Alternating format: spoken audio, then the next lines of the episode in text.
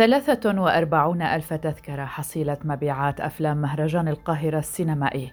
هذا ما أعلنه السيد محمد حفظي رئيس مهرجان القاهرة السينمائي الدولي في دورته الثالثة والأربعين عن وصول عدد تذاكر المهرجان المباعة مشيرا إلى وجود إقبال غير مسبوق لدى الجمهور على أفلام المهرجان رغم الظروف الخاصة بفيروس كورونا ورغم عمل المهرجان ب 80% فقط من طاقته. حلقة جديدة من بودكاست في عشرين دقيقة نتحدث فيها هذه المرة عن كل ما يخص الدورة الثالثة والأربعين من مهرجان القاهرة السينمائي الدولي مع ضيفتنا الناقدة السينمائية السورية دكتور لما طيارة. أهلا بكم معكم براء صليبي.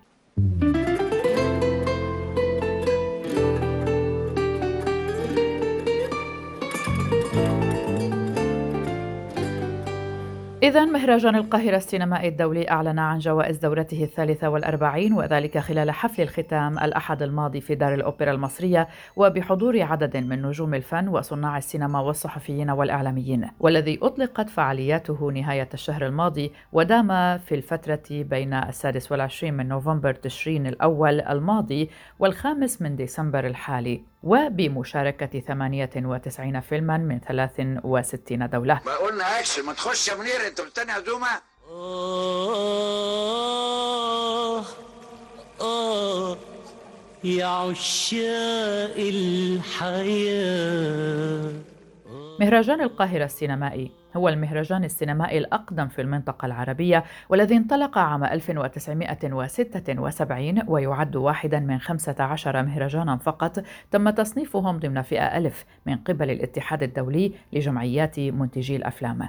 وشهد حفل الافتتاح الذي أقيم في دار الأوبرا المصرية حضورا كثيفا من نجوم الفن وصناع السينما من مصر والدول العربية والعالم وعدد كبير من الصحفيين والإعلاميين والشخصيات البارزة.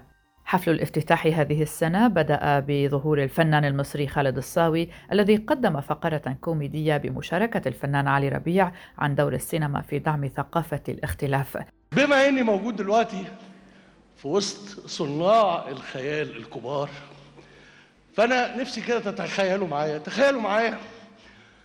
لو الحياة كلها كانت لون واحد الطيور طير واحد أيام الأسبوع يوم واحد كانت الحياة هتبقى متهيألي صعبة قوي دمها تقيل قوي الاختلاف نعم اختلاف في الحياة عموما نعمه والاختلاف بالتالي في السينما نعمه ونعمة كبيرة كمان.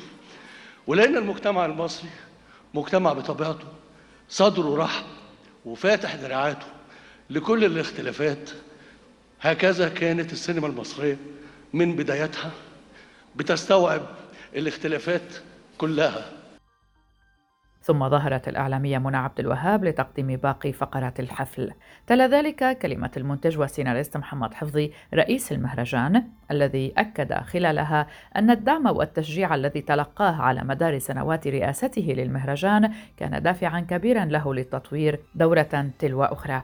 وأضاف أن المهرجانات الفنية ونجوم الفن والأدباء هم قوى مصر الناعمة وذلك قبل أن يتم عرض مقطع فيديو من خلاله تم استعراض صور أبرز النجوم الذين رحلوا عن عالمنا خلال الفترة الماضية ومن بينهم سهير البابلي، عزة العلايلي، يوسف شاهين، سمير غانم، دلال عبد العزيز وغيرهم.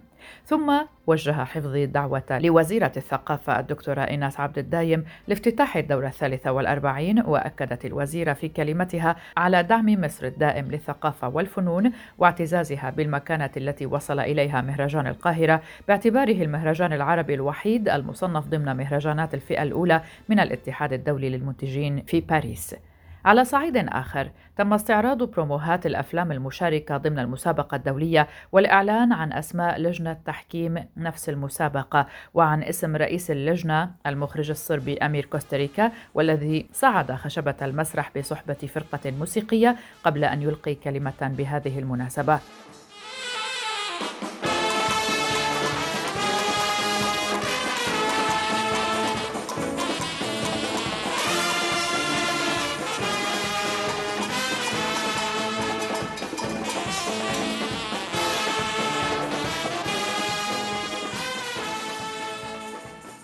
وأعقب ذلك عزف الموسيقار الكبير هاني شنودة للحن أغنية سينما الحياة التي غنتها الفنانة هند عبد الحليم.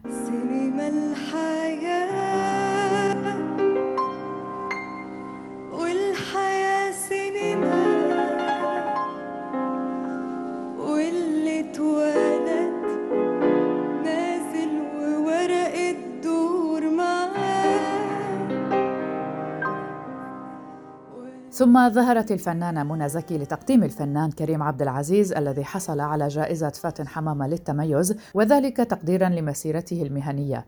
ووجه كريم الشكر لوالده المخرج الكبير محمد عبد العزيز ووالدته وزوجته وعبر عن سعادته بالجائزة التي تحمل اسم مهرجان القاهرة وفاتن حمامة وأن من سلمته الجائزة هي رفيقة مشواره منى زكي. النجم الكبير ال mega star كريم عبد العزيز.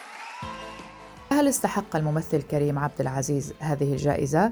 ضيفتنا الناقدة السينمائية السورية دكتور لما طبارة تخبرنا رأيها بذلك. كريم عبد العزيز يعني هو ممثل من طراز خاص فنان موهوب جدا. والحقيقة أنا تابعت الاحتفال على التلفزيون وكانت كلمته آه، يعني جميلة جدا. بيستحق أنه يتكرم لأنه يعني اشتغل لفترة طويلة جدا.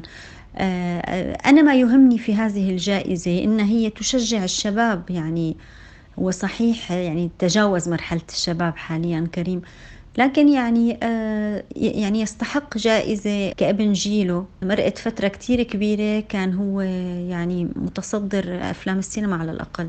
أما جائزة الهرم الذهبي لإنجاز العمر التي حصلت عليها الفنانة الكبيرة نيلي فقد قدمها الفنان الكبير سمير صبري وكان ظهوره مفاجئا واستعاد العديد من الذكريات التي جمعته بنيلي على مدار مشوارهما المهني. ما أقدرش ما أجيش. مهرجان القاهرة السينمائي لأسباب عديدة. أولهم إن أنا عشت فكرة إقامة مهرجان القاهرة السينمائي في بيت عبد الحليم حافظ مع كمال الملاخ. وعبد الحليم قرر إنه يعمل حفلة أو ثلاث حفلات عشان يمول مهرجان القاهرة السينمائي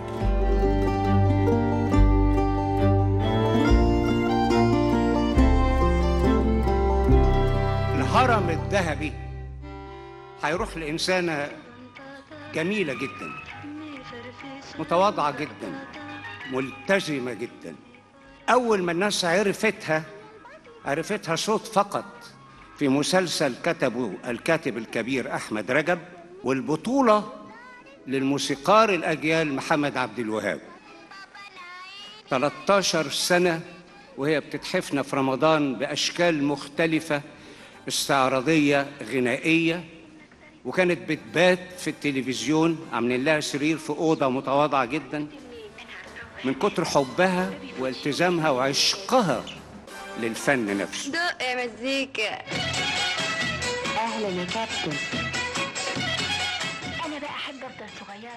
أما عن الإجراءات الاحترازية فقد رفعت إدارة القاهرة السينمائي شعار التطعيم للجميع إذ تم تطعيم كل العاملين والمشاركين ضمن المهرجان ضد فيروس كورونا والضيوف الأجانب كانوا مطالبين أيضا بتلقي اللقاح وفي حال ثبوت عدم تلقيهم له فقد كانوا مطالبين بإجراء تحليل ال PCR كل 72 ساعة وهو ما انطبق أيضا على الجمهور المصري الذي تردد على فعاليات تلك الدورة.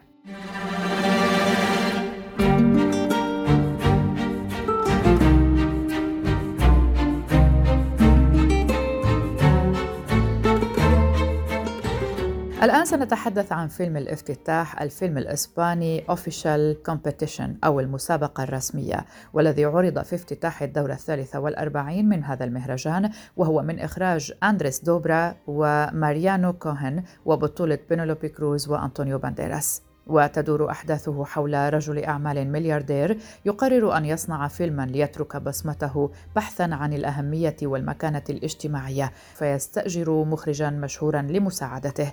وحصد جائزة أفضل فيلم دولي من مهرجان سينيفست سودبري السينمائي لعام 2021 كما فاز بجائزة الفيلم الأكثر شعبية من مهرجان فانكوفر السينمائي الدولي. أما لجان التحكيم لهذه الدورة فقد شهدت حضور عدد من الأسماء الفنية المميزة البداية من لجنة تحكيم المسابقة الدولية التي يترأسها المخرج العالمي أمير كوستاريكا والذي حصلت أعماله على جوائز مهمة من كبرى المهرجانات الدولية مثل فيلم Do You Remember Dolly Bell أو هل تتذكر دولي بيل والذي حصد جائزة الأسد الفضي لأفضل فيلم في مهرجان البندقية السينمائي الدولي وأيضا فيلم Underground أو تحت الأرض الحاصل على جائزة السعفة الذهبية الثانية من مهرجان كان. تضم لجنة المسابقة الدولية أيضا الفنانة المصرية نيللي كريم والممثلة الأمريكية مايسا برينسون والمخرج الإيطالي روبرتو مينرفيني والموسيقي اللبناني خالد مزنر والممثلة الفرنسية نورا أرنيزدر والمخرج الهندي شايتانيا تامهاني.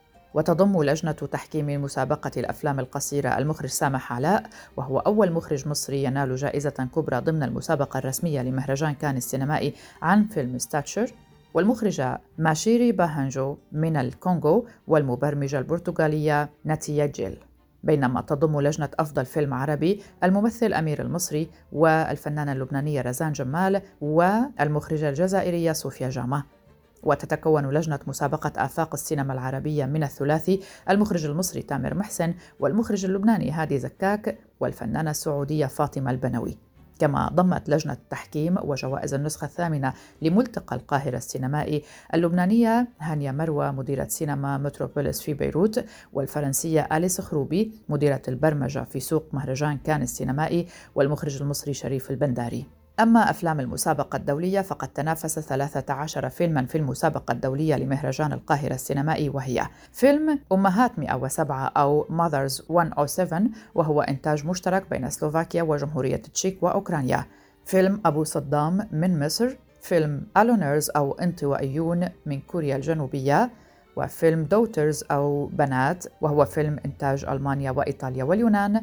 الفيلم الأردني بنات عبد الرحمن وفيلم Softie أو رقيق من فرنسا وفيلم سبعة كلاب أو Seven Dogs من الأرجنتين فيلم Tomorrow أو غدوة من تونس وفيلم The Hole in the Fence أو الثقب في السياج وهو فيلم مكسيكي بولندي فيلم كيارا الإيطالي الفرنسي وفيلم Miracle أو معجزة وهو فيلم روماني ومن جمهورية تشيك ولاتفيا وفيلم Prayers for the Stolen أو صلاة من أجل المسلوبين وهو فيلم مكسيكي ألماني وبرازيلي وفيلم سمول بودي أو جسد ضئيل وهو من إنتاج إيطاليا فرنسا وسلوفينيا. سألنا ضيفتنا دكتور لاما طبارة والتي كانت متواجدة في المهرجان عن رأيها عن هذه الدورة من حيث التنظيم وباقة الأفلام المشاركة. الحقيقة مهرجان القاهرة السينمائي واحد من أهم المهرجانات في ليس فقط في مصر وإنما في المنطقة العربية بشكل عام.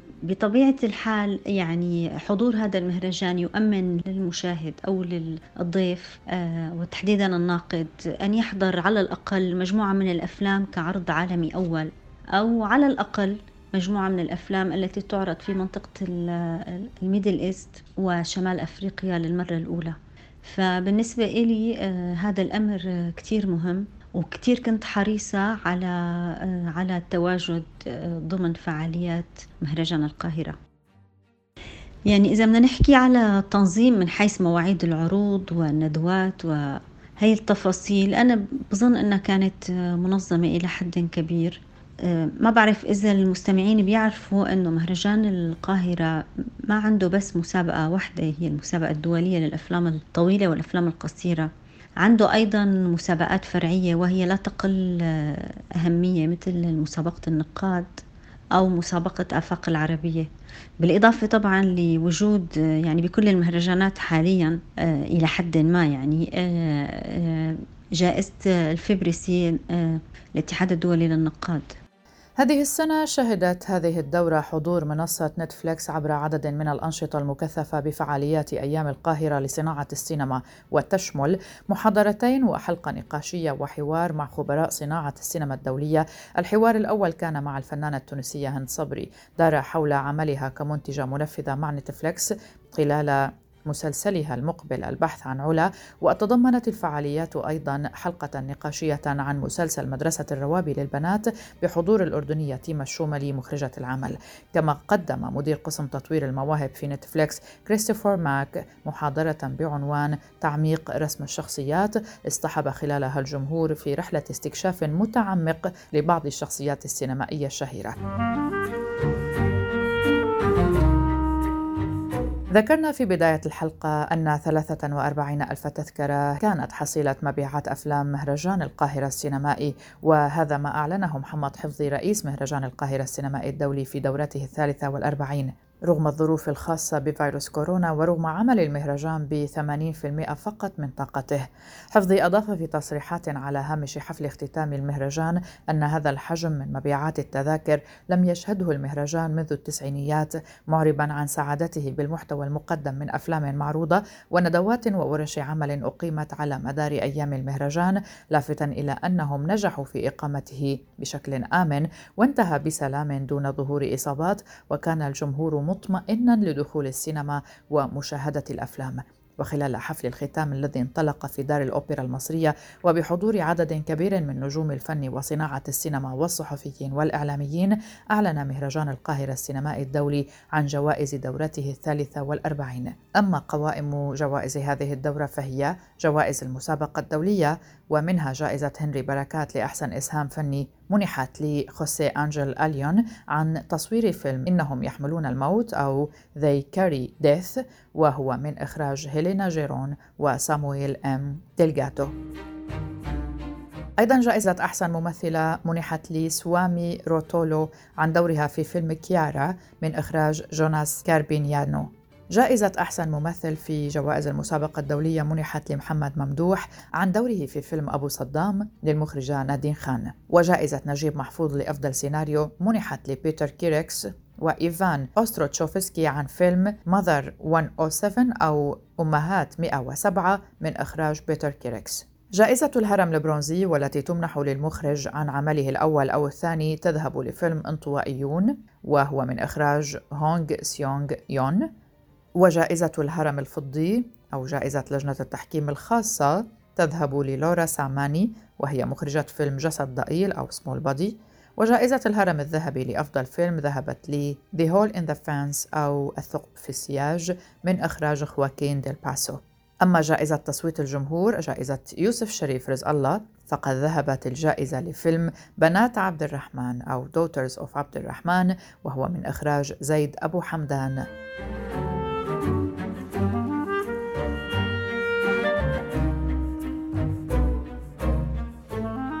وعن جوائز مسابقة الأفلام القصيرة ذهبت جائزة يوسف شاهين لأحسن فيلم قصير لفيلم نقطة عمياء أو Blind Spot من إخراج لطفي عاشور وجائزة لجنة التحكيم الخاصة ذهبت مناصفة لفيلم Then Came Dark أو ثم حل الظلام وهو من إخراج ماري روز أسطى وفيلم ولا حاجة يا ناجي اقفل من إخراج يوحنا ناجي.